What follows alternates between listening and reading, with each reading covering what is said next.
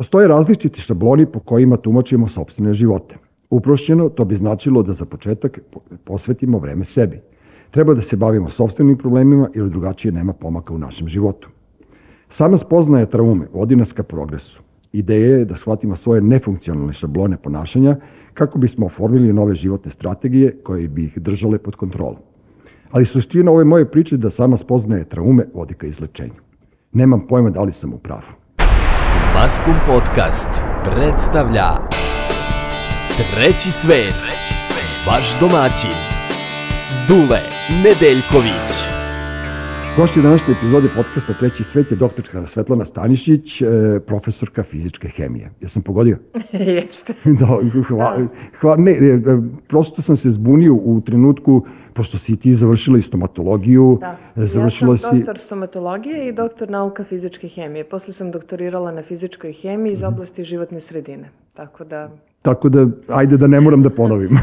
da, da, imam i medicinsko neko predobrazovanje, imam e, i znanje iz hemije koje mi omogućava da prosto pratim sve iz životne sredine i iz ishrane, tako da Eto, tako da, tako da, to su moje oblasti. Da, da, tako da ona, to, ali to su toliko široke oblasti da to nije normalno. Evo, poslednje dve godine, od kad je ova korona, sve što sam ja čačkao po Google, to ti pokrivaš otprilike, to je neverovatno. I sada, evo danas je četvrtak, ova emisija će se emitovati u subotu, napravuju je vreme katastrofa, kraj da. aprila je, ja uopšte ne znam šta se više dešava s nama, ja sam se potpuno smrzao dolazeći ovamo, klimatske promene će izgleda doći glave planeti.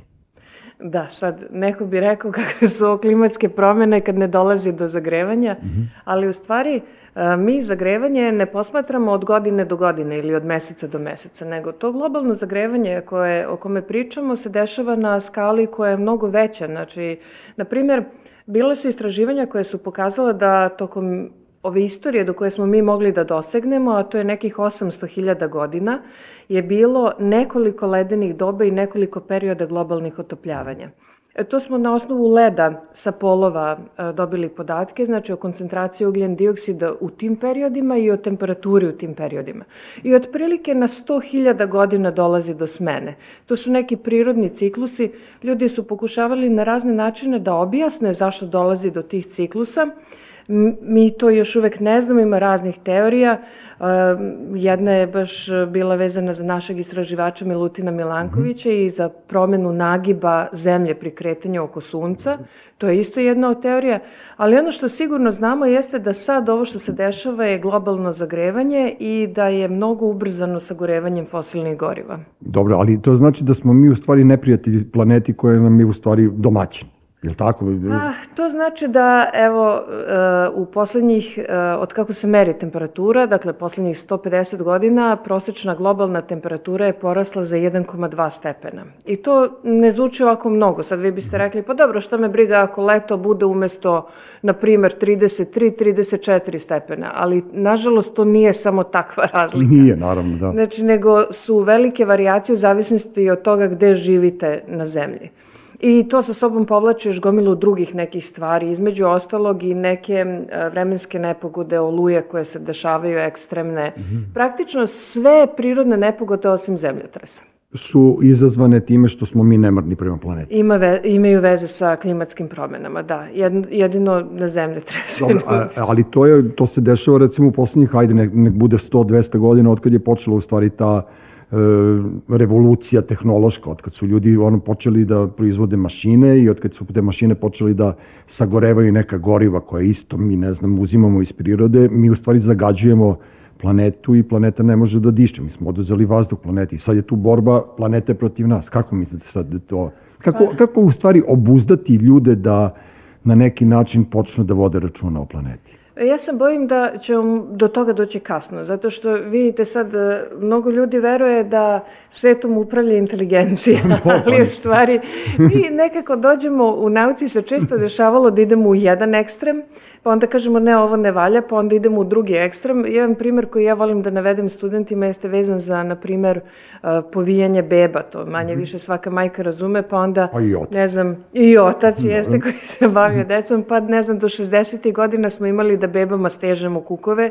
da ih umotavamo kao mumije, pa se videlo da to ne valja, ne utiče dobro na razvoj kukova, pa je onda u modu uvedena švedska pelena, sad ćemo potpuno, sad ćemo da raskrećimo mm -hmm. bebu, yes. sad ćemo, ovaj, da, i ja sam probala svojem detetu da stavim švedsku pelenu, Dakle, to je, mislim, on je ležao onako nizbrdo. Da, da. Tolika pelena sa raskrećenim nogicama.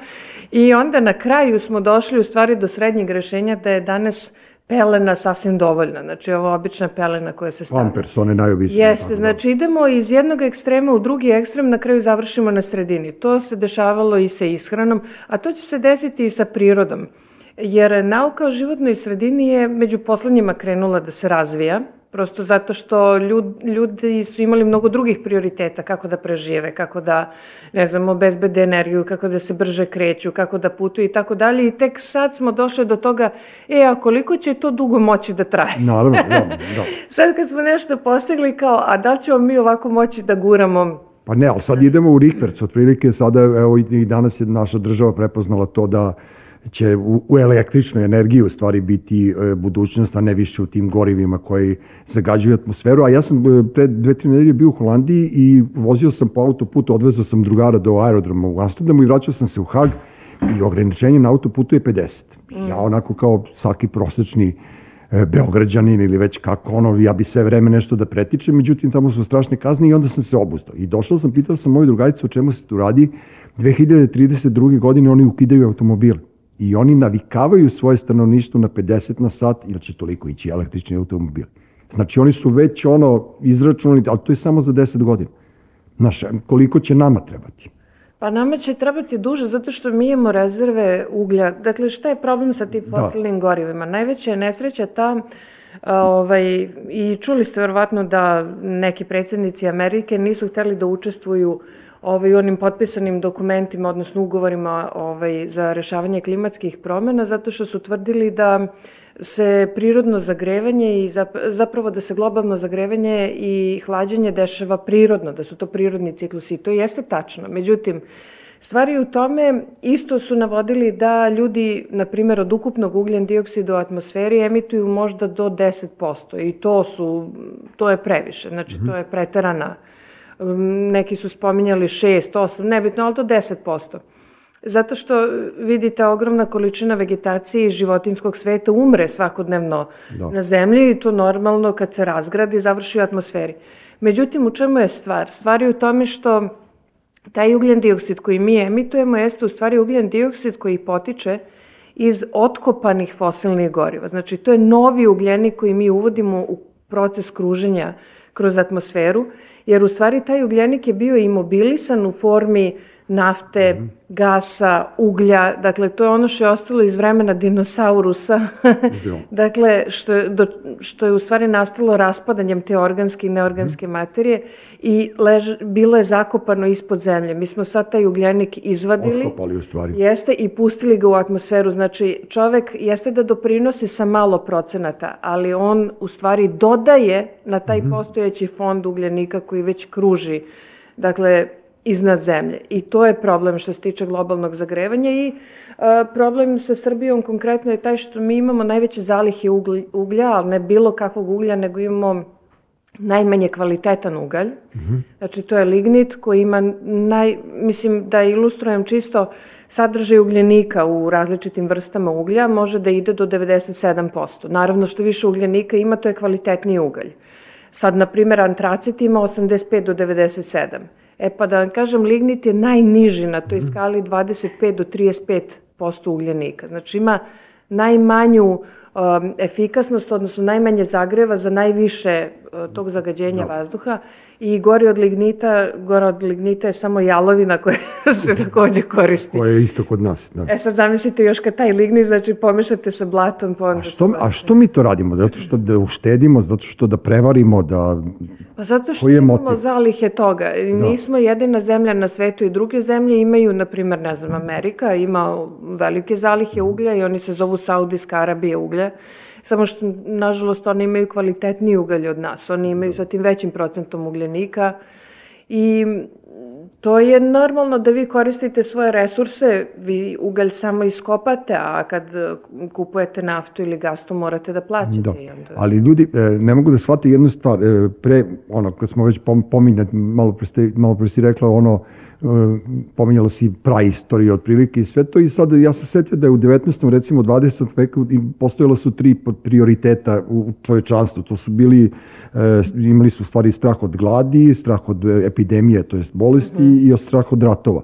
I sad kad su ti strahovi na neki način suzbijeni, onda smo došli do toga da e, da, da je 21. vek vek prava, da svako ima pravo na sreću i postaće vek dugovečnosti. Pa kako ćemo mi da budemo dugovečni ako smo toliko uspeli da zagadimo planetu i zar, ne, zar ta ta naša nemanost, to što ste malo pre rekli, taj ugalj i sve to, zar to on ne izaziva neke hronične bolesti kod ljudi? Zar mi nismo bolesne nacije baš zbog toga? Ne mislim mi jesu. konkretno, nego ceo svet je razboljen otprilike. Da, znate šta, ovaj, ljudi dosta pričaju o bombardovanju 99. godine kao uzroku, ne znam, toga što danas imamo malignitete, međutim, a, znate već iz istorije da je Japan, i ja to volim da navedem studentima kao primer, zemlja u kojoj su se desile najveće nuklearne katastrofe, dakle od Hirošima i Nagasakija pa skoro do onog zemljotresa koji je bio pre deseta godina koji je doveo do razlivanja. tamo, tako da. Jeste.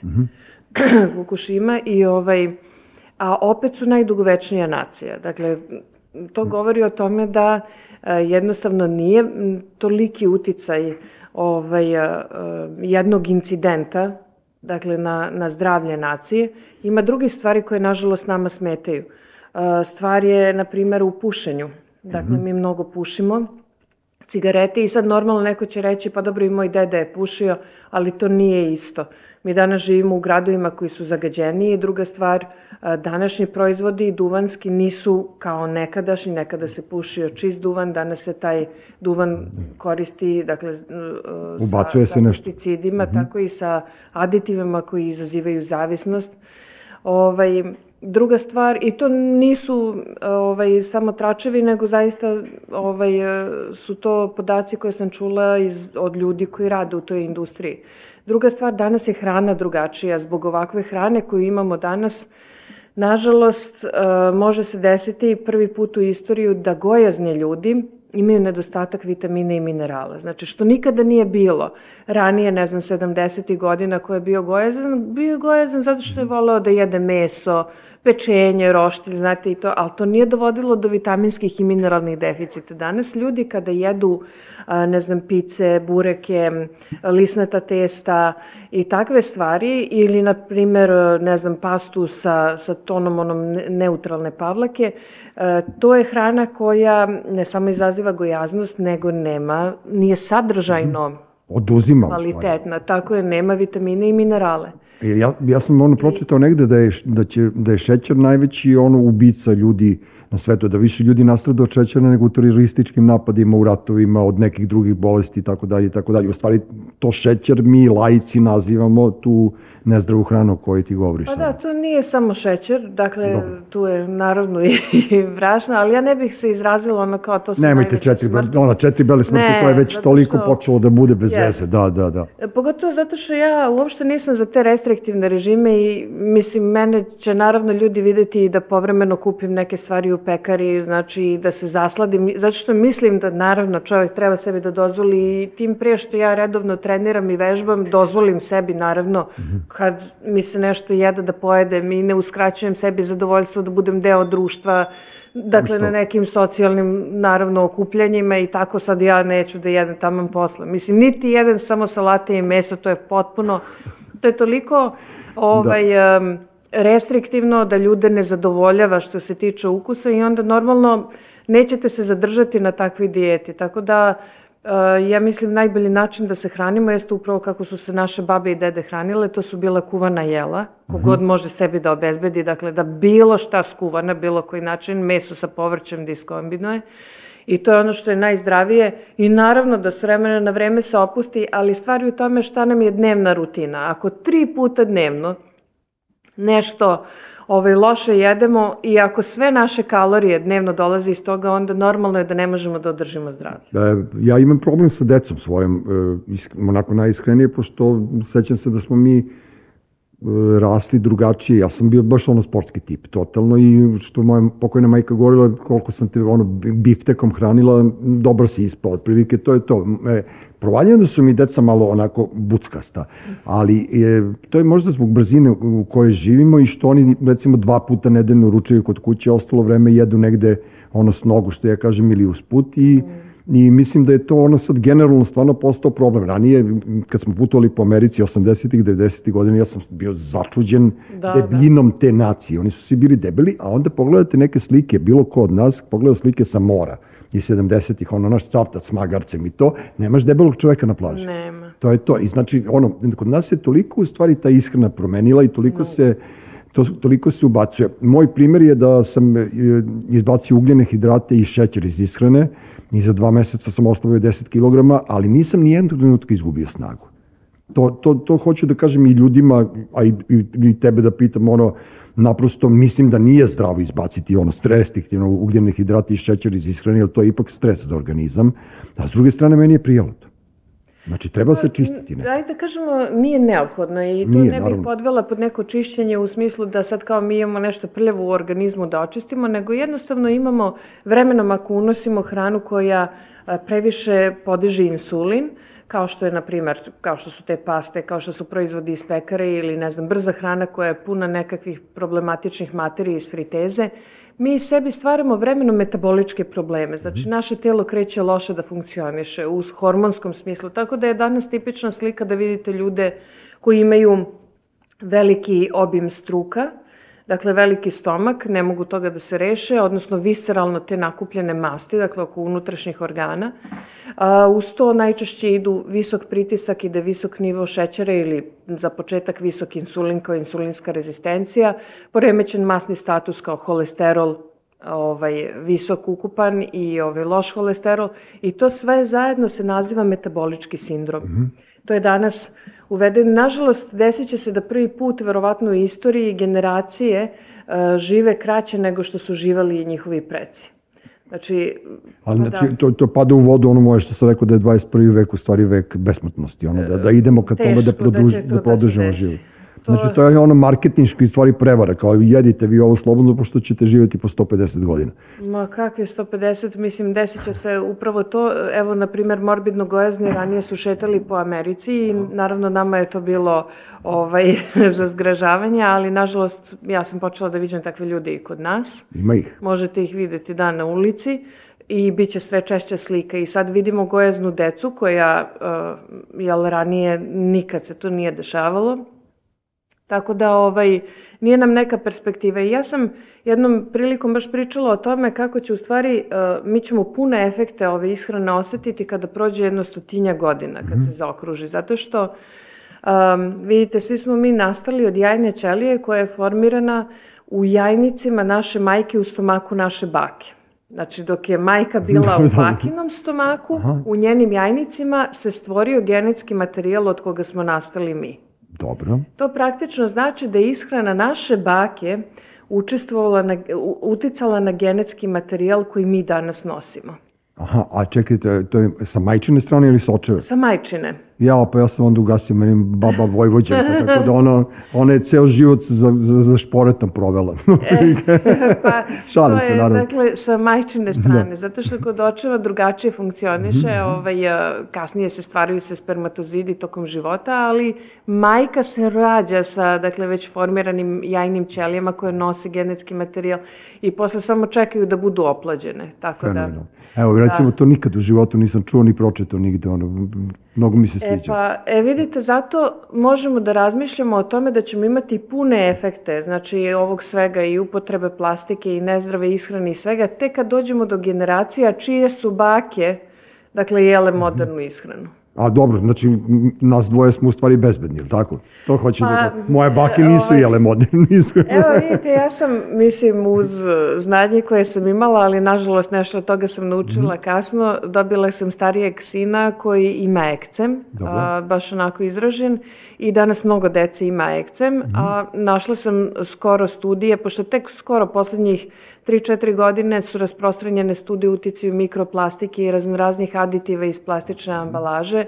Uh, to sve prolazi placentu i pokazalo se da posebno majke koje su bile izložene uticaju aditiva iz plastike Dobro. tokom trudnoće, da rađaju decu sa ekcemima. A ja se sećam da, nažalost, tokom te trudnoće sam se često um, ovaj, šetala po gradu i da sam mm -hmm. vrlo često nosila sa sobom plastične flaše ovaj, sa vodom. Kao manekenke, ono što... Jeste, da, dok da, da. u drugoj trudnoći to nisam, mm -hmm. zato što ovaj, sam morala više da sedim kući zbog prvog deteta i onda sam pila ovaj, mm -hmm. vodu sa česme i sa filtera, tako da Uh, nekad neke stvari uradite da ne znate. Da, to, ali to je vrlo zanimljivo, ali ono, drago mi da, da si iskren, znaš, da, da, da to treba, i to treba reći, ali vidiš, mi ovde u, u, u ovoj redakciji ili u firmi imamo samo plastične flaše ja nisam smeo da, da te ponudim sad kad si došla, ono kao nego čaj, kao ajde da budem siguran, da. ali nisam znao. Vidiš, ja znam da se plastika razgrađuje nešto milion godina, ono da kad Vinci izgori, kad gori Jeste, deponija da. u Vinči, da to ne može se ugasi nikada i to je stvarno veliki problem.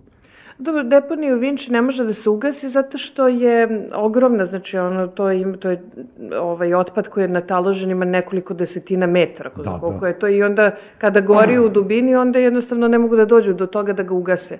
Ali ovaj, Htio da kažem, ovaj, kada je u pitanju isto ekcem za majke koje, na primjer, dobiju dete sa ekcemom, pa dok je taj ekcem mali, njem, na tom mestu je narušen integritet kože, mi koristimo, na primjer, Pavlovićevu kremu koja ima dosta lanolina, mm -hmm. koji se dobija od ovaca i to je jedan od, da kažemo, um, na, jedno od naj provokativnijih, najviše iritanasa u stvari mm -hmm. materija koje mogu da iritiraju kožu, tako da u stvari dodatno opet time doprinesemo da, da kasnije se taj ekcem pogoršava, tako da. Može, a, svašta nešto može, mogu ljudi da Ali nauče. nije ranije bilo toliko mm -hmm. ekcema, pa nije bilo ni plastične ambalaže sa kojim ćemo sve posledicama i nije bilo alergije isto ali, da. u ovoj meri, vidite sad kako živimo u zagađenom. Evo, evo pogledajte, ono, evo, evo, možete da ga povedete na fakultet, da pokažete djacima čovjek, ono najalergičniji e, čovjek koga poznajem. Sad uzdržava se sada kašlje kija zbog vas, inače bilo bi katastrofa, tako Tako da ono, i ja imam te,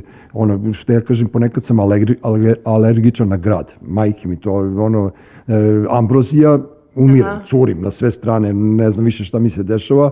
Imaju neki delovi grada u Njegoševoj ulici, ima notar, Aha. gde moram da potpišem kad mi deca idu u inostranstvo, ja tamo stalno kijam. To je mesto da, u gradu da, gde ja, nekom... no, nešto tu postoji, to, to je to. I onda mi živimo u stvari u toj zagađenoj, potpuno zagađenoj prirodi, šta mi dišemo uopšte? E, problem sa tim alergijama danas respiratorni, ja sam baš sad spremala jedan tekst za, za ovaj, farma mediku o tome kako zagađenje pojačava alergije kod ljudi.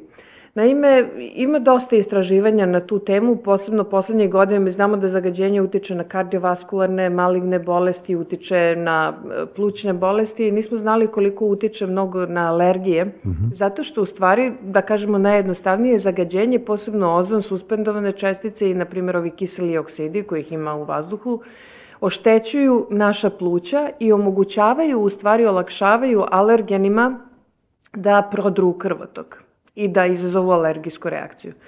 E sad pokazalo se da ljudi koji su predisponirani za respiratorne alergije su ljudi koji, pošto plućno tkivo prirodno ima određen sadržaj antioksidanasa, znači zaštitnih materija, da prevedemo tako, mm -hmm.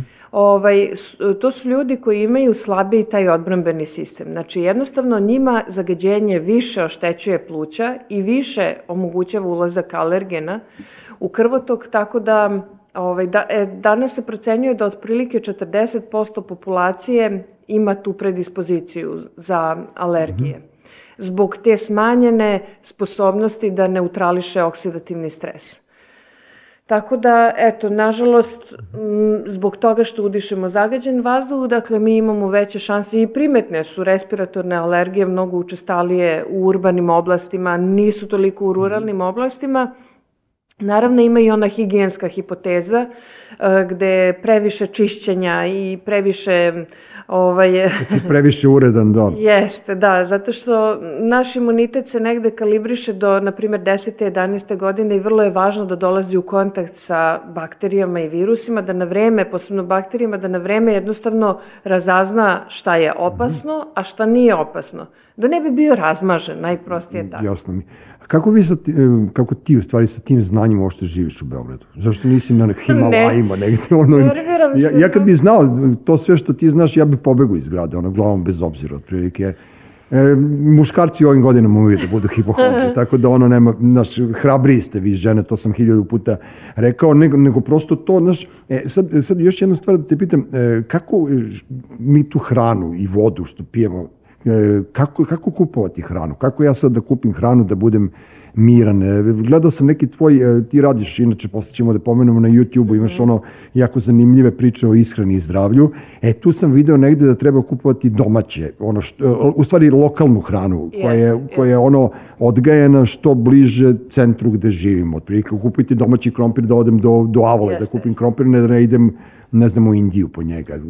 Zašto to tako? Kako, E, kako pa- izabrati uopšte hranu koju kupujemo? Ovaj, ajde, odakle da krenemo? Znači, Kreni, ja sam- kreni, objasni nam sve, jel, ovo naš, ja sam sad shvatio da ja ne mogu ovo ispod 8 sati da izvedem, pa moramo nekako da, pa ne, ono prosto, Da bude ovako najjednostavnije, pošto e, ja sam učestvovala u nekakvim i e, diskusijama na TV-u i ovako van TV-a o tome d- da li treba jesti meso ili ne, pa u kojoj meri voće i povrće i tako dalje. Znači, ono što treba da nam bude najjednostavnije, da kažemo osnovno pravilo, jeste što manje prerađene hrane. Da tako jednostavno kažem, nije problem da li jedemo meso, nego je problem kako je prerađeno to meso. Da kažemo najprostije, meso iz friteze nije dobro, suvomesnati proizvodi nisu dobri, viršle, paštete, te stvari nisu dobre, naravno, zbog aditiva, ali to je logično, to je ono što ovaj, manje više svi znamo, a ono što je dobro jeste kuvano meso, pečeno meso, meso roštiljsko, ako je električni roštilj je ok,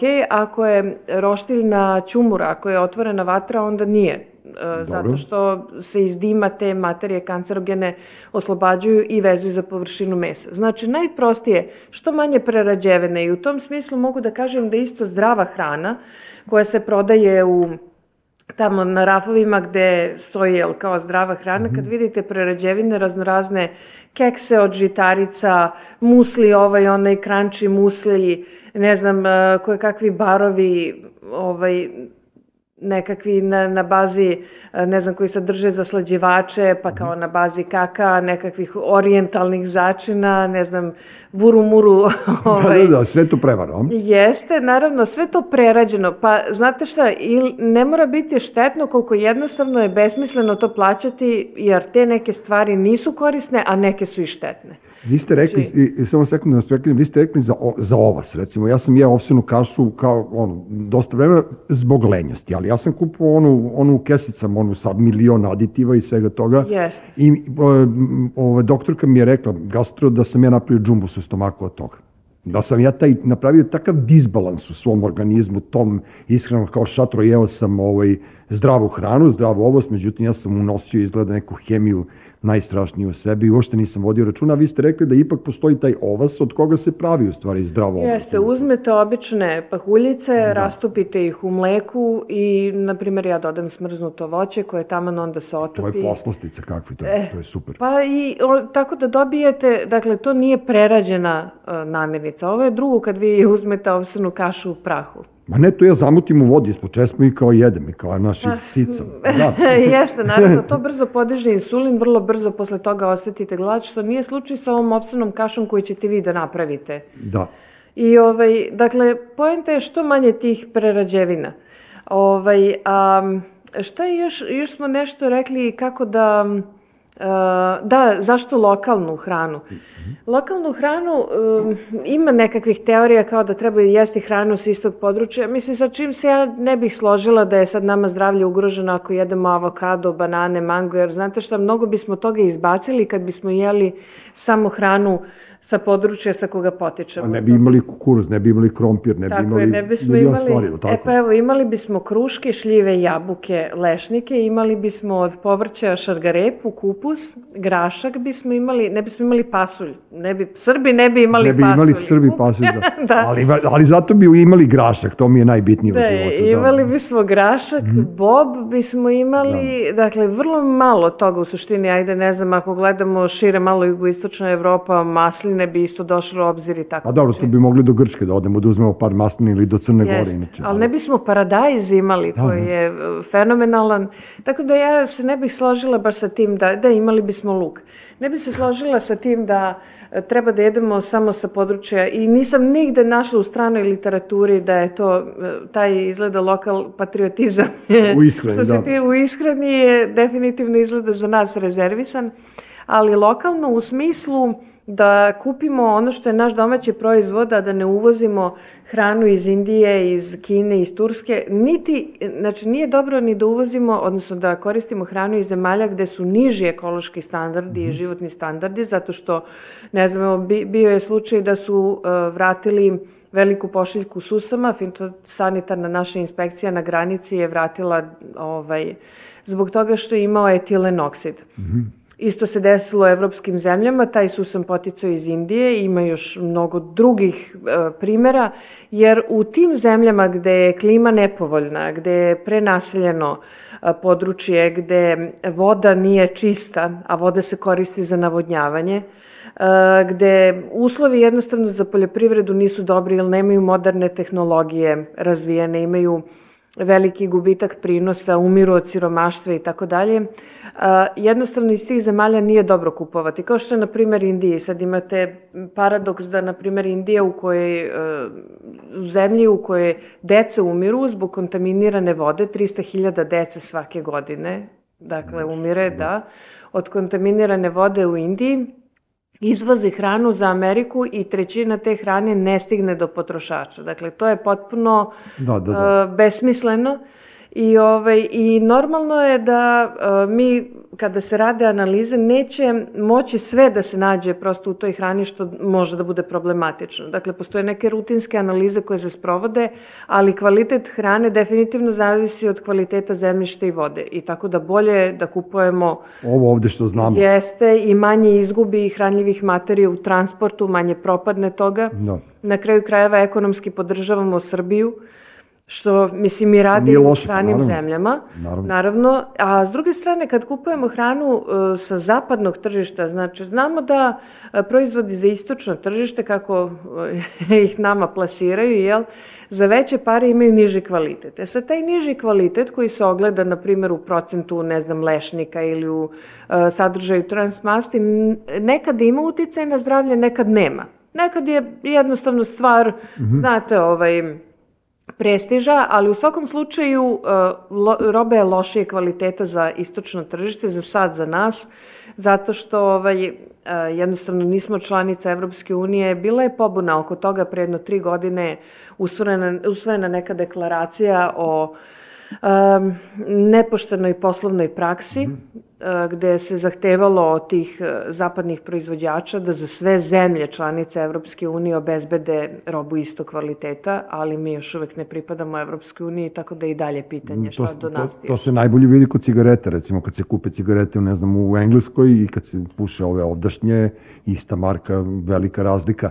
A primetio sam kod ribe, ne, sad su otvorili na Kalinić pijaci, su otvorili neku novu ribarnicu i sad taj čovek je m, došao negdje i on kao poštuje sad e, to da, da u tom uzgajalištu ribe svaka riba ima neki kubni kubnu santimetražu gde mora da, da raste, da se uzgaja i tako dalje i tako dalje. Međutim, onda mi je pokazao da postoje neke šabloni, kao bar QR, QR kodovi gde slikaš i tačno se pokaže gde su te ribe ovaj, odgajane, gde su rasle i mi smo u toj nekoj sivoj zoni nekih mora koje su zabranjene za zapadna tržišta.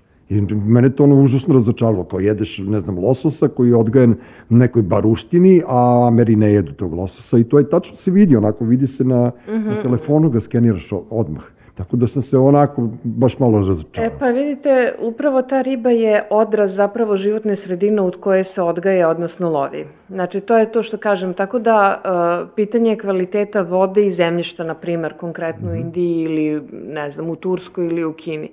Isto tako, pitanje je kvaliteta ribe, jer riba akumulira u sebi, kod ribe je najveći problem živa, živa dospeva uh, u vodu jednostavno od fosilnih goriva koje mm -hmm. sagorevamo, tako da zavisi ovaj, u kom kraju sveta se gaji i u kakvoj vodi se, se lovi. Ja, na primer, ne bih nikad jela ribu iz Dunava. dobro, Ovako, što je logično, dobro. Jeste, kad vidite ovaj, um, pecaroš, osim da neko peca za svoje zadovoljstvo, tu ribu koju ulovite, dakle puna je ko zna čega, u toj uh, vodi se nalazi i kanalizacija iz Beograda, nalaze se i pesticidi iz okolnog poljoprivrednog zemljišta, nalaze se antibiotici, dakle ima mnogo toga što riba može i teški metali što riba može da akumulira u sebi. Da ona prosto I... samo upije to. Naravno i što je veća riba, što je duže živela, što je više pojela manjih riba, to više akumulira u sebi. Tako da kada je u pitanju živa najproblematičnije ovaj, su vrste, na primer, e, tuna, mm -hmm. zatim od onih koje mi jedemo, zatim haringa i dobro, sad ovo sabljarka, ovaj, dobro, to, to mi ne jedemo. To baš i ne, ne, ne jedemo da. sabljarke. Ali ja, ja da recimo da smo se sreli pre jedno deset godina, ja bi umro i od gladi i od žeđe, sada nešto, zato što ja sve vreme sad motam po glavi, sve što pomeneš ja bukvalno jedem. Tako da da je to nešto neverovatno, ali e, vidi, moj, moj drug najbolji s kojim sam odrastao, on je u Americi. Od 89. godine ima lanac restorana Heltika i on se bavi isključivo zdravom hranom.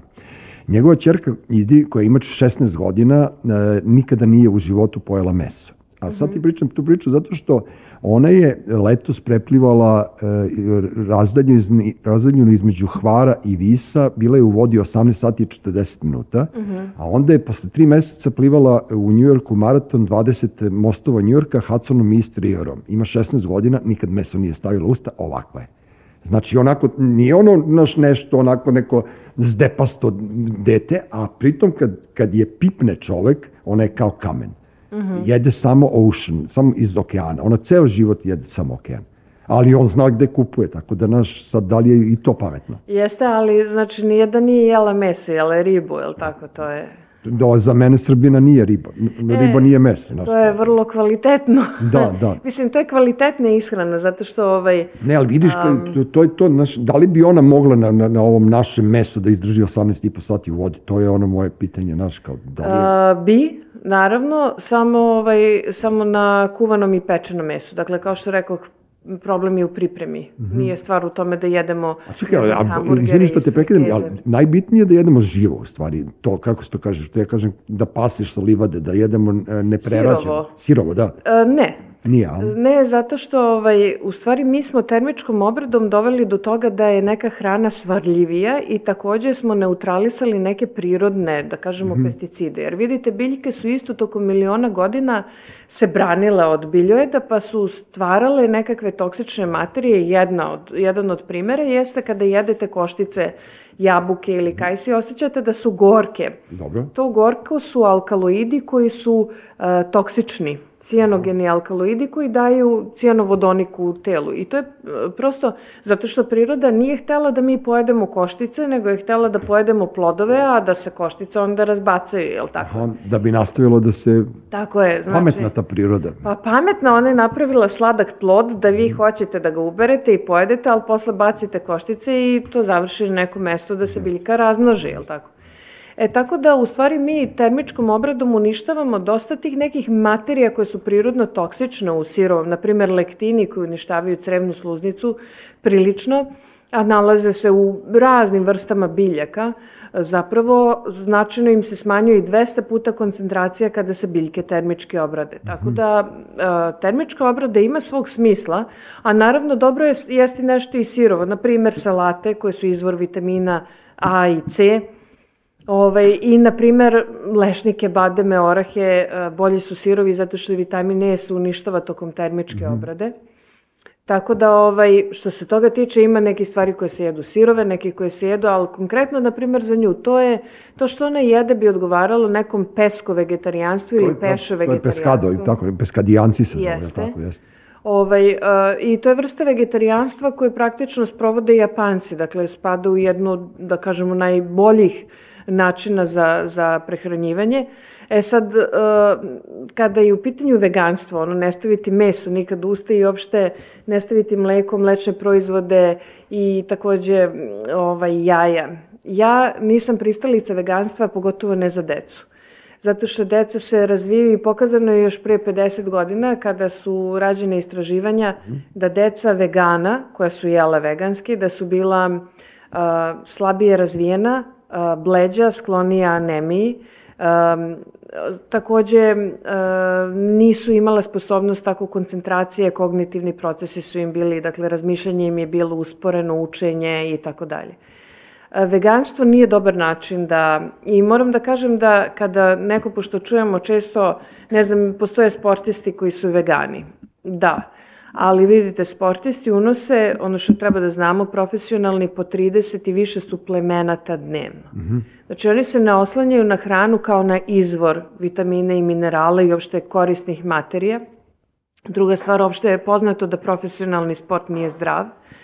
Treća stvar, ovaj, profesionalni sportisti vrlo često koriste raznorazne hormone, kao što je kod te devojčice od 16 godina, kod nje su još aktivni a, hormoni, hormon rasta, koji ovaj, dovodi do rasta kod nje. Hormoni, e, znači vi možete uzeti testosteron, sedeti ispred televizora i mišići će da vam rastu. Hormoni mnoge stvari mm -hmm. u organizmu peglaju.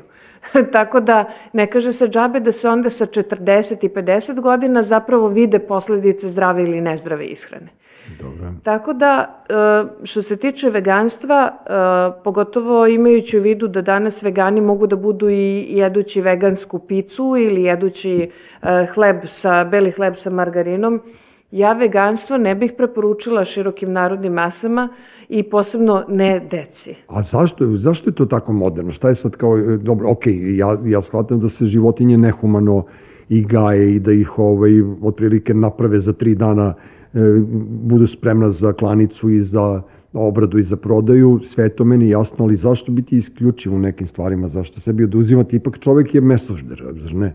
Pa čovek je u stvari svaštojed. Svaštojed, pa da, svaštojed, da, da. Znači mi imamo, um, ajde da kažemo, digestivni trakt koji više podsjeća na biljojede i naši zubi više podsjećaju na biljojede, naša anatomija, ali to je samo zbog toga što smo mi, da kažemo, duži period svoje evolucije bili relativno slabi u lovu. Znači mi smo više jeli biljke i I pokazano je da, e sad, to je pitanje, dakle, da li je čovek prvo krenuo da koristi meso pa mu se razvio mozak ili se mozak razvio pa i on intenzivnije lovio, -hmm. ali u svakom slučaju taj period od pre, na primer, nekih pola do milion godina, pre pola do pre milion godina je otprilike povezan sa porastom moždane mase i sa povećanom količinom mesa u ishrani. Mm -hmm. Do tada su ljudi bili sitni majmunčići koji nisu mogli baš, bog zna šta, da ulove.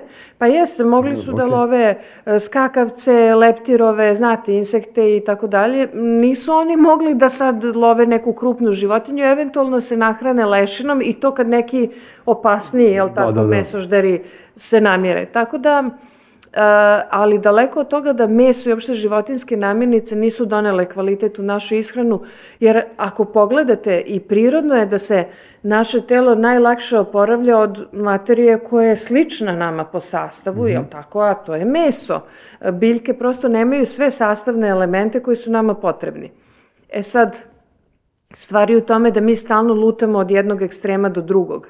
Tako da, na primjer, i sportska ishrana je tako varirala i nekih a ja kažem od 20. 30. godina prošlog veka kada je svet izašao iz onog siromaštva, pa na olimpijskim igrama ovaj, takmičarima su se nudili um, goveđi stekovi, ne znam, um, onda jeli su ogromnu količinu jaja, pečenja, veliku količinu sira, mleka i tako dalje. Znali su po kilogram mesa da pojedu pre trke, ja ne znam kako su trčali. pa dobro, gladne oči, ovaj, ko zna odakle su došli, ono jadno. Da, ali to, to je bio period i onda 50. godina prošlog veka veka su onda počeli da koriste ugljene hidrate, naime jedan trostruki ovaj, pobednik um, mislim da je maratonac bio, uzeo je tri zlatne medalje na tim olimpijskim igrama, on je jeo pred trku pirinač sa preliven medom. I onda su svi bili u šoku kao vidi ovog kako je uzeo ugljene hidrate, onda su shvatili u stvari da ugljeni hidrati su ti koji utiču na povećanje izdržljivosti. Jer najprostije rečeno, um, meso vam pomaže da izgradite mišiće,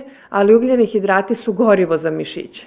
A vi da biste vozili auto, vi morate da imate i motor i gorivo, Naravno, tako? Ne vredi vam ništa motor bez goriva, tako da čim nema goriva, telo ovaj, se o- otarasi mišića, jednostavno gubimo mišiće i isto tako ako nemate gorivo, kao što sad možda nećemo imati, jel?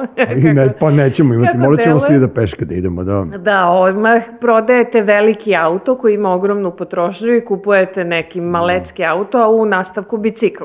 I to je ono što vidimo i kod, ne znam, maratonaca i kod tih sportova. Znači, vegani mogu biti u tim sportovima gde se zahteva izdržljivost i mala telesna masa. E sad, naravno, vidjet ćete sad, ne znam, Jackie Chan, Arnold Schwarzenegger i tako dalje pričaju o veganstvu, ali moramo znati da Arnold Schwarzenegger ima 70 godina. A lako i da mu je se- sad, da. Da, i da se verovatno toga setio sad kada je imao možda neki srčani udar, a kada je bio na vrhuncu karijere sigurno nije bio vegan. Tako da, Ali vidite, sad kad ono, u ono vreme dijeta, u vreme kao zdrave hrane, organic, ovo ono, svega i svačega, ja, evo, opet vraćam se na ono da sam ja kad sam izbacio šećer i ugljene hidrate vrlo brzo izgubio kilograme, nisam imao neku posledicu, niti sam malaksao, niti mi je nešto se čudno desilo, ali u jednom trenutku sam se vratio ne staro ishrani, nego prosto sam ubacio ponovo neki ugljeni hidrat, šećer iz voća i tako dalje i tako dalje.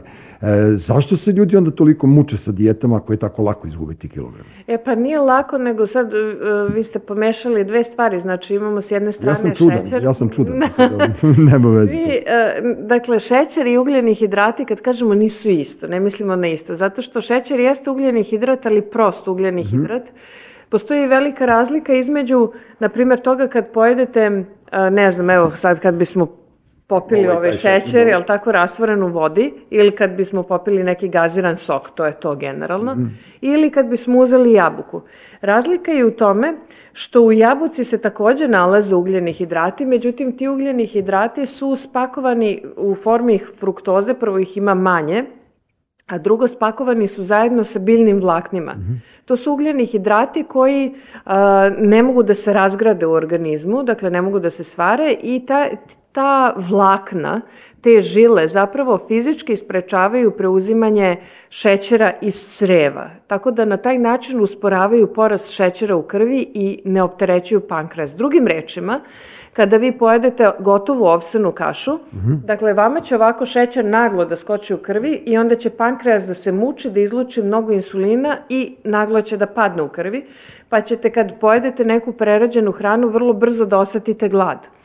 Na primer, pojedete, ne znam, nešto u pekari i vi posle dva sata već onako Jeste, oči vam tiltuju, jel tako je? Da, naravno i, ali tu isto spada i musli, kranči musli koji su puni tog ovaj, fruktoznog kukuruznog sirupa, a s druge strane ako pojedete nešto što ima dosta biljnih vlakana, na primer nešto što povećava sito šargarepa, ne znam, celer, takođe keleraba, koje su onako žilave, e, da, e, te žile ovaj, su nešto što doprinosi sitosti zato što u stvari polako podižu nivo šećera u krvi i dugo se održava ravnim, tako da ne opterećuje pankreas. Ja sam se sad nasmeo zato što sve to što, priča, što pričaš, e, meni onako malo bljutavo, trebalo bi ipak da ima neki, neki šmek da bi moglo da se jede. Ali ako hoću da živim dugo i kvalitetno, da ne padnem ono u, u- kolica, da ne padnem na teret da drugima, da me prenose po stanu ili ne znam šta, ovaj, ja ipak moram da se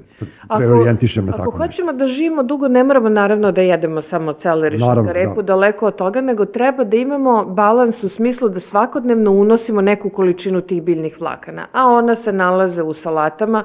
Dakle, jedna salata, na primjer, uz glavni obrok bi bila dobra. Ona se nalaze u voću, nalaze se u povrću, nalaze se u integralnim žitaricama. Znači, to je prosto i ta biljna vlakna, osim toga što smanjuju šansu za nastanak dijabetesa i srčanog udara, ona takođe hrane našu crevnu floru, dakle bakteriju u našim crevima i na taj način doprinose našem imunitetu. I daleko od toga da treba sad da preterujemo, naravno ni ogromna količina biljnih vlakana nije dobra zato što isto kao što sprečavaju preuzimanje um, nekih, da kažemo, e, šećera, usporavaju preuzimanje ili masti iz creva, isto tako usporavaju preuzimanje i vitamina i minerala. Znači, treba naći neki balans, ali vidite i ono što je interesantno kad gledamo praistorijsku ishranu, čovek je ranije koristio voće i povrće koje je imalo mnogo više biljnih vlaka neg- nego danas. Znači, danas kada gledate brokoli ili jabuka, evo uđete sad u supermarket, vidjet ćete jabuka je veličine dečije glave, Ovaj, a Malo, dijetetska... malo kupusa, da, da, da. Da, kao mali kupus. To nije genetski modifikovana jabuka, nego se radi o jabuci, o sorti koja je probrana tako da daje najveće plodove, odnosno i zato je bezukusna. Nije ona bezukusna ne znam iz kog razloga, zato što ima mnogo vode, razumete, Da, da. taj ukus je i miris su prosto razblaženi u toj količini vode, ali zato što ima dosta te vode, ona se lepo prodaje, dakle, Lepa je, lepo izgleda. Voće i Da. povrće su u stvari skupo upakovana voda, jel?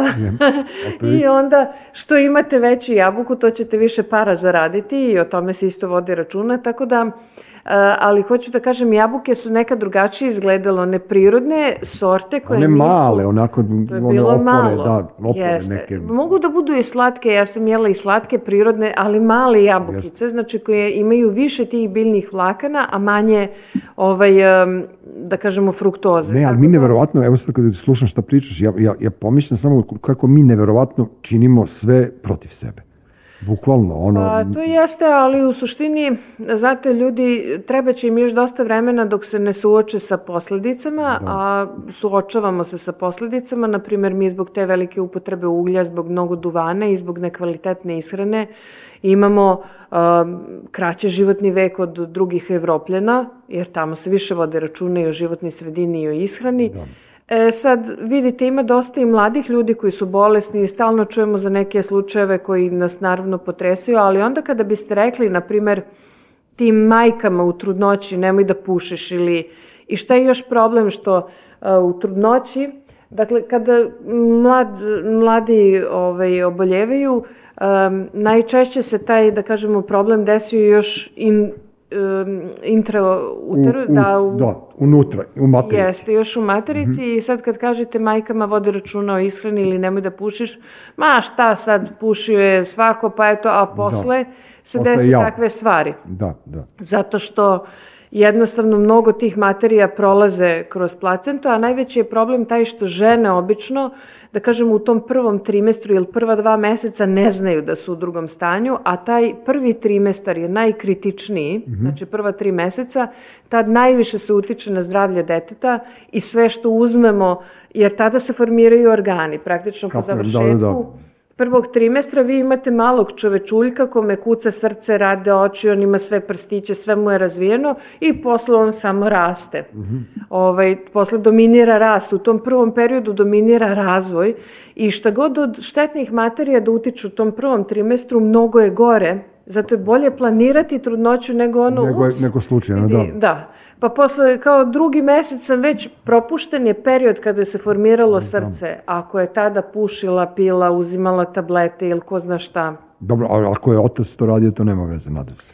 e pa, Pošto ja sam vodio računa kod prvog deteta, ono, bilo sam na pomoranči, ceđeni sokovi, ovo, ono, a drugo je bilo slučajno posle jedne teške noći, tako da, ono, znam, ono, mislim da, da, da, da sam prošao bez ovaj, moram da vas nasekiram da kažem da zapravo pokazalo se da starost oca takođe utiče na... Dobro. Dakle, i starost i životni stil da utiče na, e sad sreća je što je to dan za dan, ne mora biti tada da, da je taj genetski Da. materijal stvoren, stvoren je par dana, jel, pred ovaj... Dobro, ono, moja deca ne bi trebalo da slušaju ovo, pošto ono, kad, kad budu ono napravili jednačinu starost oca sa onim što im je otac radio, ono, počeće da plaču nad svojim sudbinom. Nek su oni meni živi i zdravi, nema veze, Da. izborit će se valjda. Jel ta svest koji, koji novi, ovi klinci sad, recimo moja čerka je osmi razred, oni imaju svest o, o svemu tome. Ja sam rekao da su oni malo e, gradska deca, malo su, ne mogu da kažem, debeli, ali prosto dostupne su im neke stvari, ne rastu u prirodi, ne rastu u selu, tako da, Da. konzumiraju ono što im je na dohvat ruke, ali imaju neku svest, na primjer oni ne puše uopšte. Sad su bili na ekskurziji, ja sam onako pitao, jer pušiš? Ne.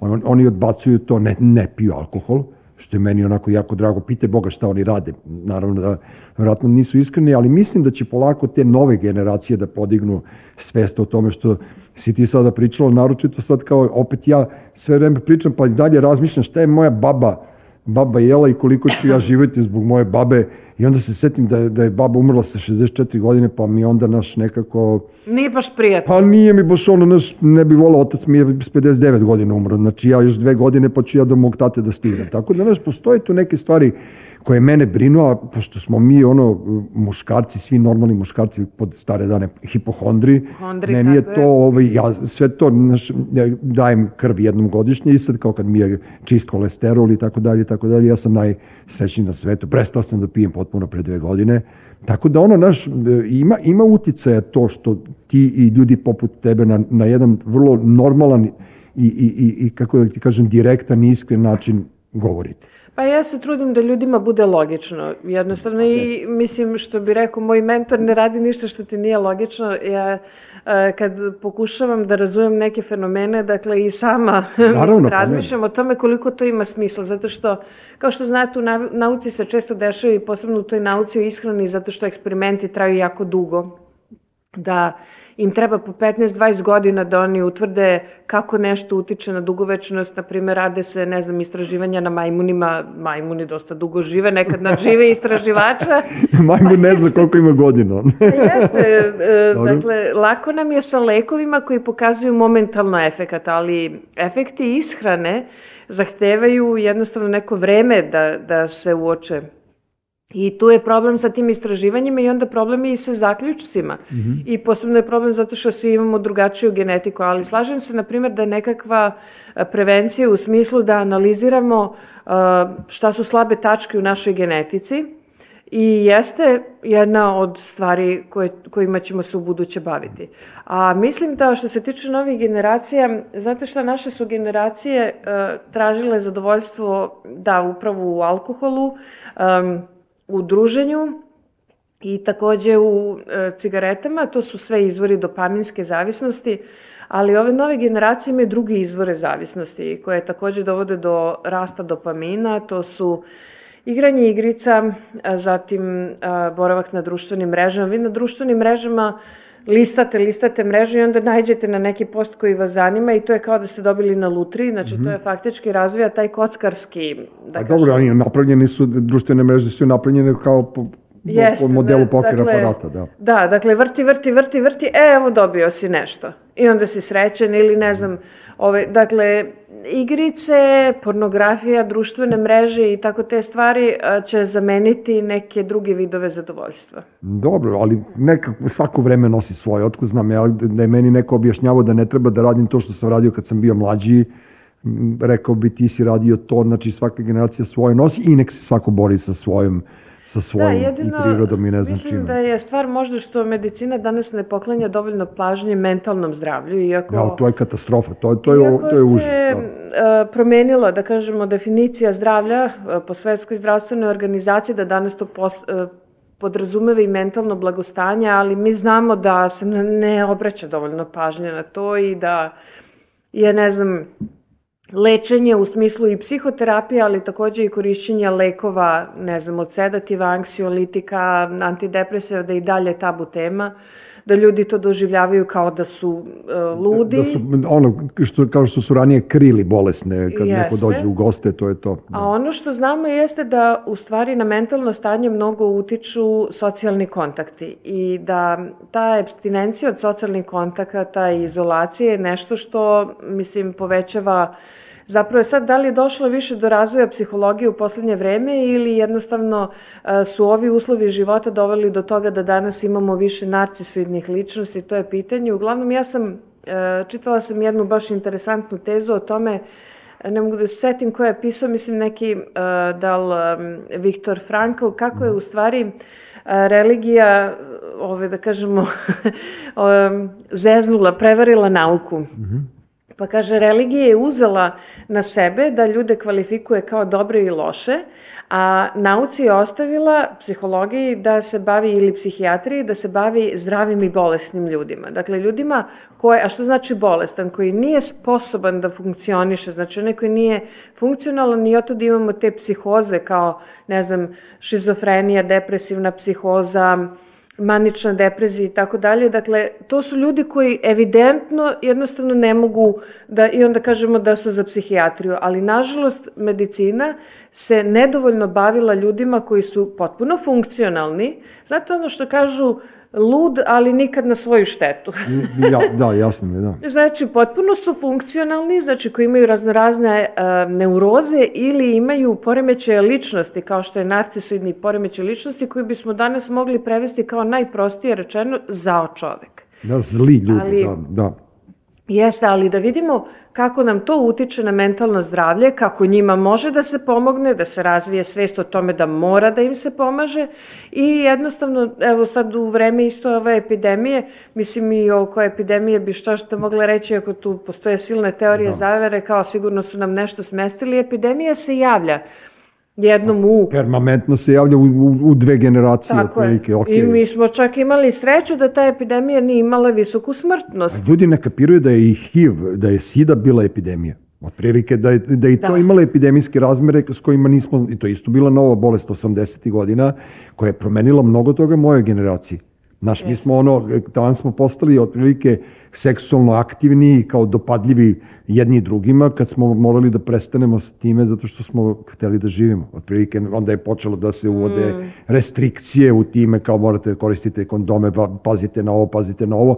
Tako da ono pa pre toga je bila, ne znam, kuga, pa je bila španska groznica, znači svaka generacija doživljava epidemiju. Tako je. I to mnogo gore epidemije sa sreća u odnosu na HIV virus jeste da ti virusi koji su manje otporni u životnoj sredini, kao što je SIDA, što znači da se teže prenose, su smrtonosni. Jeste. Ovaj, za razliku od ovih virusa koji ipak imaju manju smrtnost i ono što se malo spominjalo kada je u pitanju korona jeste to koliko mi a, zapravo prevencijom možemo da a, smanjimo loše efekte korone. Jer znamo da dosta je ljudi umiralo upravo gojaznih, upravo dijabetičara, upravo ljudi koji su hronični bolesnici i koji bi svakako stradali od nekakvog sezonskog gripa, virusa. Uh, naravno, bilo je slučaja mladih ljudi koji su umirali od takozvane citokinske oluje, što je, što bi sad, verovatno bi me imunolozi ubili, ovaj, ali zato što se oni prave pametni, onda prosto ljudi ne mogu da shvate Ove, jednostavno o čemu se radi, najprostije rečeno alergijske reakcije u plućima. Znači, da kažemo, prekomerne reakcije imuniteta na virus koje se razvije u plućima i od te upale pluća onda kasnije dolazi do do fatalnog ishoda.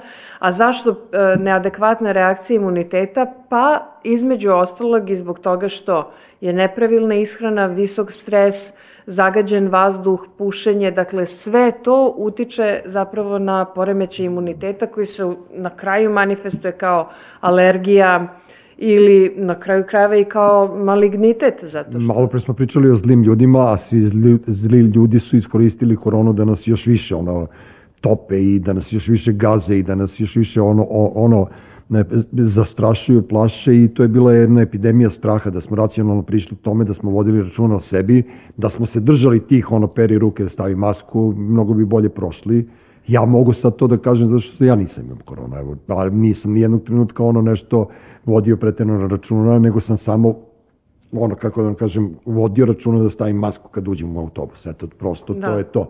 I nisam vodio računa šta, šta, šta jedem dok, dok nije prošla korona, sad vodim računa o tome šta jedem. A recite mi, e, u stvari reci mi za kraj, a recite mi, ono, u stvari, zbog toga što pričaš, ja ne mogu, ja, ja persiram. Prosto, prosto je neverovatno, ne, ozbiljno, tako da, znaš, ja sam vrlo opušten e, sa ljudima i razgovaram, ali nekako te teme koje, koje ti pričaš su za mene onako fascinantne, znaš, ne, ne, neke stvari saznajem koje, koje stvarno mogu, mogu samo da sanjam o tome i, i, i ne. ne. U to, kad si pominjala to, sad opet, opet da se vratim na to, šta znači e, balans u ishrani? Sada recimo mi izađemo na, na vi odemo evo, s decom, negde se nađe, igraju nam deca futbol i kao, glad, jesi gladna? Gladan sam. Šta jedemo? Šta ti naručiš, šta ja naručim? Mislim, ja znam šta bi ja naručio, ali ne znam šta ti... Šta, ne, ali, ali, e, ali nalazim. ne, e, e, kad vodiš računa, kada si, ka- kako ti kaže, kada si normalna, kad se ne opustiš, šta jedeš uopšte? Pa jedem jednostavno meso sa povrćem, gde god To. ga nađem ili, da, Da, koja god Dobro, znači nisi komplikovana, to, to hoće... Ne, apsolutno, taman posla. Dakle, ja se snađam svaki dan za sebe i za decu, jedemo kuvano i meni kad, ljudi generalno kad pitaju kao šta jesti, oni u stvari hoće da čuju sa čim da preteraju. Znači, oni u stvari pitaju dobro. sa čim ja mogu da preterujem i da mi ništa ne bude. I onda se silno razočaraju kad čuju da, ne znam, riba ima određene štetne materije, neka vrsta ribe, da ne znam, nešto se nalazi e, štetno u mleku, da se nekad nešto nađe u mesu. Mislim, znate šta, treba da odvojimo i to je jako loše, treba da odvojimo um, zapravo nauku u smislu koja koristi samo nauci, Znači, ja kao, ne znam, mlad istraživač sam bila fascinirana, kad moram tako da kažem, silnim glupostima i detaljima koji nemaju praktično smisla. Znači, jedna je stvar da li je štetno jesti dva puta dnevno ribu. Najverovatnije ako jedete dva puta dnevno ribu da ćete imati neke simptome trovanja živom, što će da se manifestuje kao to da vam se tresu ruke, gubite koordinaciju, imate poremeće osetljivosti tela, trnjenje u prstima, e, ne znam, usnama, gubitak balanska i tako dalje. Ja to sve sad imam, pošto sam jeo osliće danas na ručak. E, ali ne, ne, znači to je samo se, naravno, ako da. jedemo prečesto. Dakle, i ako jedemo dominantno ove krupne vrste ribe, znači tunjevina, ne znam, u nekoj meri losos, ali losos je još najbolji kompromis u smislu da ima najveću količinu omega-3 masnih kiselina u odnosu na te štetne materije. A, ovaj, a potpuno je nešto drugo ako vi dva puta nedeljno uzmete ribu. Da, znači, nema mesta uopšte tome da se brinete. E sad, naravno, naći ćete ljude koji onda izađu na TV i kao, znate, ima štetnih materija i u ribi. I onda svi, wow, stvarno, eto, znao sam da ne treba da jedem ribu. Pa nije tačno. Mislim, ti ljudi jednostavno ne čine dobro narodu, zato što kada neku informaciju plasirate, treba da budete svesni da li ona ima značaj za potrošača ili nema. Naravno. Tako da ja uvek kada me pitaju šta je dobro jesti, ja kažem kuvanu hranu i uz to neku svežu salatu, ne znam, za doručak jedite jaje, jedite ovsene kaše koje sami spremite. Ako treba da jedete u pekari, jedite proju, na primer, sa jogurtom, nemojte kupiti lisnato testo. Sava hleb, bolje. onaj čuveni Sava hleb. Jeste, ako birate, uzmite radije, ne znam, svež integralni hleb, nemojte uzimati pecivo produžene svežine, na primjer, zato što ima mnogo aditiva, nemojte uzimati beli hleb. Znači, prosto u tim okvirima u kojima živite, nađite ono što vam je naj, najlakše, nemojte ići u prodavnice zdrave hrane gde uzimate iz onih rafova koji se sto puta pune A i oni praze ve, bez wellness keksovi, ono, to isto. Pa evo, wellness keks, znači sam po sebi nije loš, osim ako uzmete u obzir da jedna kutija ima hiljadu kalorija. Dakle, što je polovina dnevnog unosa, je li tako? ali kako, kako bi predavanje nama dvojici da, da držite sada ono potpuno, ja sam potpuno ono suprotno sve ono što vi sve ono što sad ti Pa- pričaš čoveče, ja sam potpuno suprotno tome, ali dobro, stidim se, bit ću ne, dobar. nema šta da se stidite, Ne, znači se, jednostavno naravno. pojesti ono dva, tri wellness keksa, ali ko se zadrži na to? Niko. Pa niko, Pa znači naravno. možete lagano ono kao, u, wow, wellness, kek, sednete ispred TV-a, cap, cap, cap, ode cela Sve kutija, to je polovina dnevnog unosa, znači prosečnog čoveka, za jednu kutiju. Mislim, a onda kad pogledate sastav, vidjet ćete da ne obezbeđuje polovinu svega što nam treba dnevno, što, gov- što je poenta i u tome da žitarice same po sebi treba da budu deo ishrane, a ne glavne u ishrani. Naravno, da. Zato što žitarice su najsiromašnija namirnica, e, odnosno, da kažemo, klasa ovaj, namirnica koje se unose. I sad kad pogledate, na primjer, kako su Amerikanci to perfidno ovaj, umotali, bio je ranije prikaz grafički moja piramida. Čuli ste, verovatno možete ukucati My Pyramid, pa ćete vidjeti ovako piramidu i sad Bazični nivo dole, osnovni je sa žitaricama. Tu je krompir i sve vrste pšenice, ječam, ova sraž, kukuruz, pirinač. Toga treba najviše da se unosi, pa onda kao manje voća i povrća, pa još manje mleka, mesa i jaja i onda najmanje slatkiša. E, sad su promenili, kao sa- dosadio nam ovaj grafički prikaz, došao novi grafički prikaz, My Plate. E, Pogledajte, vidjet ćete da su žitarice značajno smanjene u odnosu na povrće koje dominira. Znači sad odjednom je povećano povrće, sve kao izgleda kao drugačiji grafički prikaz, u stvari ljudi okanite se malo žitarice jer su videli porast insulinske rezistencije, metabolički sindrom, gojaznost. I sad odjednom, dakle imate čašu mleka mm -hmm. koja nije mala, imate onako popriličan unos takođe mesa, meso i mleko kad saberete, boga mi, dosta, ovaj. a ovde se značajno smanjila žitarice i povećalo se povrće. Tako da povrće u smislu sve osim krompira koji upada u tu kategoriju mhm. žitarica zbog velike količine skroba. Da, kažu da, da zbog skroba, to, to i znam. A sad, sad kad pričate to, kad ste rekli preterivanje, ja se sećam, ono bilo je na, na internetu sa našu, na Google, šta je najpopularnije na Google i onda je bilo neko je ukucao ono od koliko sarmi se umire, tako da ono, sad sam se setio da. toga, neko je uspeo da se, da se preždere svega i to je to. E sad, e, ne pitam, ne, sad će Uroš da kaže da pitam zbog sebe, nego pitam zbog ljudi koji ovo gledaju. pitam ja, za druge. Da. da, pitam za druge. Jesu, e, je li pametno koristiti probiotike? Jeste. Dakle, Ozbiljno. mi smo, da, možda da kažemo jedini suplement koji, ajde, za sad nisu pronađeni nikakvi Niko ne umira od probiotika. Da, da, ono najgore što može da vam se desi jednostavno da ne bude dovoljno efikasan, odnosno da duže vreme treba da se uzima da bi imao efekte. Um, te bakterije koje se nalaze u crevima mnogo utiču na zdravlje i ne samo to, one utiču i na mentalno stanje, utiču na telesnu masu i to nisu, dakle, nije ništa nepoznato, prosto postoji gomila istraživanja koja potvrđuju da, zato što te bakterije koje se nalaze u crevima, ona luče različite materije koje prodiru u krvotok i, na primer, povećavaju sitost. Tako da vi imate jednu bakterijsku floru u crevima mršavog čoveka i drugačiju u crevima gojaznog čoveka. I nažalost, brza hrana, hrana bez biljnih vlakana, zapravo menja bakterijsku floru i čini nas još na jedan način podložnijim gojenju. I još jedan način, na primjer, kada je u pitanju ta brza hrana, jeste i ona što ima emulgatore, Dakle, emulgatori su oni što čine da mast bude rastvorljiva u mhm. vodi, kao nalaze se, ne znam, od krem, sira, margarina, preko, ne znam, svih namaza, dresinga i tako dalje. Emulgatori pokazalo se da oštećuju osetljivost crevne sluznice. U prevodu naša creva bukvalno detektuju koliko unesete proteina i masnih kiselina i kada unesete ih dovoljno, osjećate sitost a nažalost zbog tog unosa emulgatora poremećena je osetljivost crevne sluznice, odnosno tih nervnih završetaka i mozak nema dobru informaciju o tome koliko smo toga uneli, odnosno imamo izražen osjećaj gladi. Tako da, e, brza hrana nas oštećuje na mnogo više načina, e, daleko je e, priča, da kažemo, samo od toga da imamo visok holesterol. Tu ima mnogo, mnogo još mnogo drugih stvari, stvari da. da, i kancerogenih materija iz te friteze. Pogledajte samo ulje u fritezi kako izgleda ono ovako crno. Pa znam i to zato ja ne jedem onaj pomfrit u McDonald'su nikad u životu i tako dalje i tako dalje.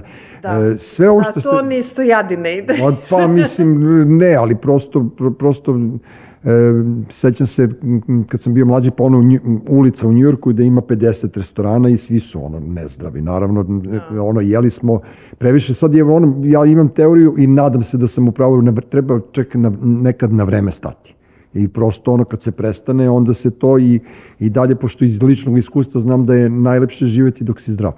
Kada dođe do bolesti onda onda ti život ne treba više. Pa, e, kažu meni studenti, ovaj, ja kad pričam to o dugovečnosti, baš me briga, neću da živim 100 godina, hoću i ja da živim kvalitetno kako ja hoću. Ja kažem, me pa, da vam kažem, ni sa 40 godina život nije kvalitetan ako ste gojazni. I gojazno sa sobom vuče brojne bolesti i onda im samo spomenim impotenciju, I oni ovako obore nos, kažem, pa da, dobar dan, da, da, da. došli u svet, dakle sa 45 godina možete iskusiti, ozbiljne su šanse da zbog gojaznosti imate problema sa impotencijom. I to je ono čemu se ljudi ne nadaju, znate, oni misle, nema veze, bolje mi je 65 godina kako ja hoću, pa neće biti baš kako hoćeš. Yes. I mi kada govorimo o dugovečnosti, Poenta je da se produži život, ali on je aktivni deo života. Naravno, da bude čovjek, Tako ono, se, imaš, ima i ti 100 godina, ali hodaj sam. Otprilike, za e, nije pa, to to? to je, evo, to je baka mog bivšeg muža, dakle, mm -hmm. pra baka moj, moje deci, Dobre. je skoro napunila 98 godina Pritom žena se kreće, Da, brine samo o sebi, kupa se, dakle ide u Mhm. prodavnicu i uh, naravno kao svi dugovečni ljudi ona je jedna zadovoljna, srećna, fina žena, mislim dobrog mentalnog stanja i uz to je uh, da kažemo vitka Mhm. relativno, dakle ima normalnu telesnu masu što je vi ne možete videti gojaznog čoveka posle 65-70 A godina. ta je već otputovao. Da, a Da. tek morbidno gojaznih, to njih ne možete ni preko 60 da vidite, mislim, to je jako redko. Kao što ne možete vidjeti ni pušača. Jeste videli skoro pušača koji ima 75 godina? Evo, ja ću skoro 75 pušim, pa, pa ne znam, ne verujem. Bukvalno ne, Ne. verujem. Dakle, drastično se smanjuje taj procenat. E, ja mislim, našla sam negde u Gradskom zavod, Gradski zavod za javno zdravlje izdao podatke da 40% ljudi puši u nekom periodu od 40 do 50 godina, a svega 9% posle 65. Sad, naravno, ovi ostali nisu obavezno prestali da puše. Ne, ali zgaditi se, evo, evo iz mog iskustva, ja imam 57 godina i ja sam ono, došao do toga da pušim dve cigarete dnevno. A ranije sam pušio paklu, paklu i po i bukvalno ti se zgadi, smuči, znaš, do, dođe do momenta da ti se smuči. Sad više pušim, eto, navike, on, neke fizičke navike, kao imam ujutru, pijem kafu pa popušim cigaretu, inače ja uopšte ne pušim preko dana.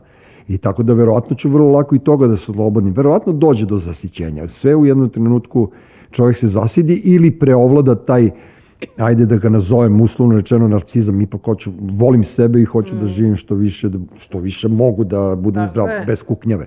E, a znate, ovaj, ja sam isto pušila kad sam bila mlada, nažalost, ono, da, danak neobaveštenosti, ali to su bila neka druga vremena kada Dobro. toliko nismo obraćali Nismo pažnju. znali mnoge stvari. Da. E, m- Ja kažem, moja generacija, sad smo pomenuli Sidu i, i, i narkomanija u Beogradu je bila veliki problem generacije rođene s kraja 50-ih, početka 60-ih godina. Nije imao ko da nam objasni Jeste, zlo da. svih poroka koji su nas sa svih strana sastavili. Jeste. Tako da ono, e, to što ste vi, bilo ko od nas u mladosti radio, mo- može da se oprosti. Pa e, ja se iskreno nadam, ali uglavnom htjela da kažem, prestala sam da pušim tako što sam uzela knjigu uh, Lak način da ostavite pušenje, inače autor je, ali zaista ja nisam neko od pobornika ovaj, da kažem sad... Populari, popul, popularne kult, ovaj, književnosti. Da. Jeste, a- apsolutno. Međutim, čovjek je pušio četiri pakle dnevno, na kraju on je prestao i umro je sa 70 godina od raka pluća, na primjer 25 godina pošto je prestao da puši. Ali ono što je meni bilo otrežnjujuće ovaj, u toj knjizi, što je meni potpuno ovaj, promenilo viziju svega, jeste em, jedna rečenica koja je rekla svaki pušač mrzi sebe što puši. Pa, otprilike. I, ali vidite, ja sam to tek tad osvestila, jer do tada stalno sam slušala iz okoline i nekako sam sebe ubedila u to da u stvari ja obožavam da pušim cigarete i da jedva čekam da zapalim cigaretu i čak i kada sam prestajala, u stvari ja sam onako odbrojavala dane i tek kada sam shvatila da sam u stvari mnogo nervoznija i nesrećnija zato što pušim, ja sam rekla pa zar treba u stvari da budem još povrh svega, em se trujem, em da budem još i nesrećna zbog toga. Ima, ima čovjek u, u sebi grižu savesti. Ozbiljno. E, Ja, Kako ne? ja, ja kad je- god sam, ne znam, ono, preterao svoje vremeno sa alkoholom, ja sam sutradan bio tužan. Ozbiljno. Tako je, pa da. Ne, ne, zato što sam ono, bila je tu neka priča da sam uvijek više volao loptu od nekih drugih stvari i, i to je stvarno tako, ali preterivali smo, mi smo bila, gener, bili generacija koja je preterivala i ja sam stvarno uvek osjećao grižu savesti idućeg dana. Prvo što sam bio disfunkcionalan, drugo što me je bilo onako blam od samog sebe što uspem da dovedem sebe u stanje ne nekontrolisanosti, nego da dovedem sebe u stanje da se toliko otrujem. Eto, to je to i onda čovek ima svako smisleno biće ima to. A meni je život promenila knjiga U pomoć doktore umirem. To je Laguna izdala prošle godine, to mi je omiljena knjiga, to poklanjam svim svojim drugarima. To je ono objašnjenje svim lajcima na što treba da povedu računa. Doktor, doktorka, e, ja bi vas ono, satima ovde sad ispitivao i, i, i ne znam, ono, e, jako lepo pričate, jako lepo objašnjavate neke stvari, e, nenormalno ste zanimljivi. E, Vi imate vaš e, svoj, ti imaš u stvari Yes. svoj YouTube kanal koji se zove Priča o ishrani i zdravlju, Jeste. gde oni u nekim kratkim epizodama između 7 i 15 minuta objašnjavaš n- na različite teme. Ja sam odgledao danas o kafi, da li treba piti kafu ili ne treba piti kafu, pošto ja imam teoriju da, ja, da je Beograd jedini grad na svetu da se non stop pije kafa. E pa niste upravo, više piju skandinavske zemlje. Ne, nego ja kad, šta god kao, a, ide, a idem na kafu da popijem rakiju, to se tako kaže kod nas. Znaš, ono kao, da, da, da, da. A idem na kafu pa, pa, ću, pa se vidimo u Rovinju. Mi sve što krećemo iz kuće mi idemo na kafu, ali ko zna šta ćemo da uradimo među vremenu. Skandinavci, da, italijani, naravno, mediteranci, sve Amerikanci to. isto, oni imaju svoj amerikano po čitav dan cevče. Ja, ja ne znam, ja se tresem od te njihove kafe, tako da ovaj, ne znam. E sad, pominjali ste Robustu, to mi je ono omiljeni e, brand kafe, ozbiljno. Ja volim, e, o, i kafić, moj omiljeni Robusta se zove, i tako da ono, znači treba piti kafu, jednu, dve, tri, pet, Jeste, pa da, mislim, nema ni jednog istraživanja koje je pokazalo da sad kafe ima ljudi koji treba, da kažem da je ograniče, to su, ajde da kažem, anemične žene, ljudi koji imaju problem sa čirom na želucu, odnosno gastritisom, ljudi koji imaju nervozna creva, ljudi koji su skloni anksioznosti, na primjer, isto kafa može anksioznosti da smeta i, na primjer, trudnice isto treba da, da izbace kafu zbog toga što Taj kofein povećava kontrakcije glatke muskulature i povećava dva puta šansu za spontani pobačaj. Da, to je, to ima, to je toliko poznato da imate čak na Wikipediji. Aha, znači, dobro, dobro, ne znam. Dokazano. Da. Mislim, nije ništa, iako naši ginekolozi to ono zaborave da skrenu pažu, kao jedite zdravo sa žena bude ostavljena sama sebi na, mislim... Sa turskom kafom u ruci, otprilike. ne znam. da, da. Ne znam, ne tako znam. da ima neki koji bi trebalo da, ajde, ili, ne znam, aritmija, kombinacije, ne znam, kofeine i alkohola, tako nisu baš... Znači, samo zdravi ljudi smeju da piju kafu. Otprilike, kogod pije kafu, vidimo da je zdravo. Ono, inače, ovo ostalo sve sve to... Pa smeju i ovi drugi, ali mislim da kažem da posebno ove kategorije da imaju mm -hmm. ovaj, uvid u to i da ograniče. Da. E, hvala vam. Hvala, Hvala vama. Hvala, bilo, bilo, baš mi je bilo zadovoljstvo. Ovaj, nisam mnogo oterao u lični u ličnu kuknjavu, mislim nema više, sad sam ono, prošle su me sve te gobe, tako da nema, ali sam e, u poslednje dve godine te korone baš uh, uh, čitao sam dosta, slušao sam pametni ljude šta pričaju, Zlaja Bokun je bio, kad je bilo naj, naj, najgora ono, korona, bio je ovde kod nas, e, pričao je na svoj način kako se treba odnositi. Čovjek je ono jednostavno iznosio svoje mišljenje koje se isto sukobljavalo sa nekim oficijalnim mišljenjem kolega, kao što si i ti malo pre se ogradila od neke stvari. Ne treba ljudi da ćutite, vi ste pametni, vi treba svima nama da držite lekcije, svima nama da objašnjavate šta treba da radimo i stvarno imaš puno pravo da kažeš nekome da li je pretero ili nije.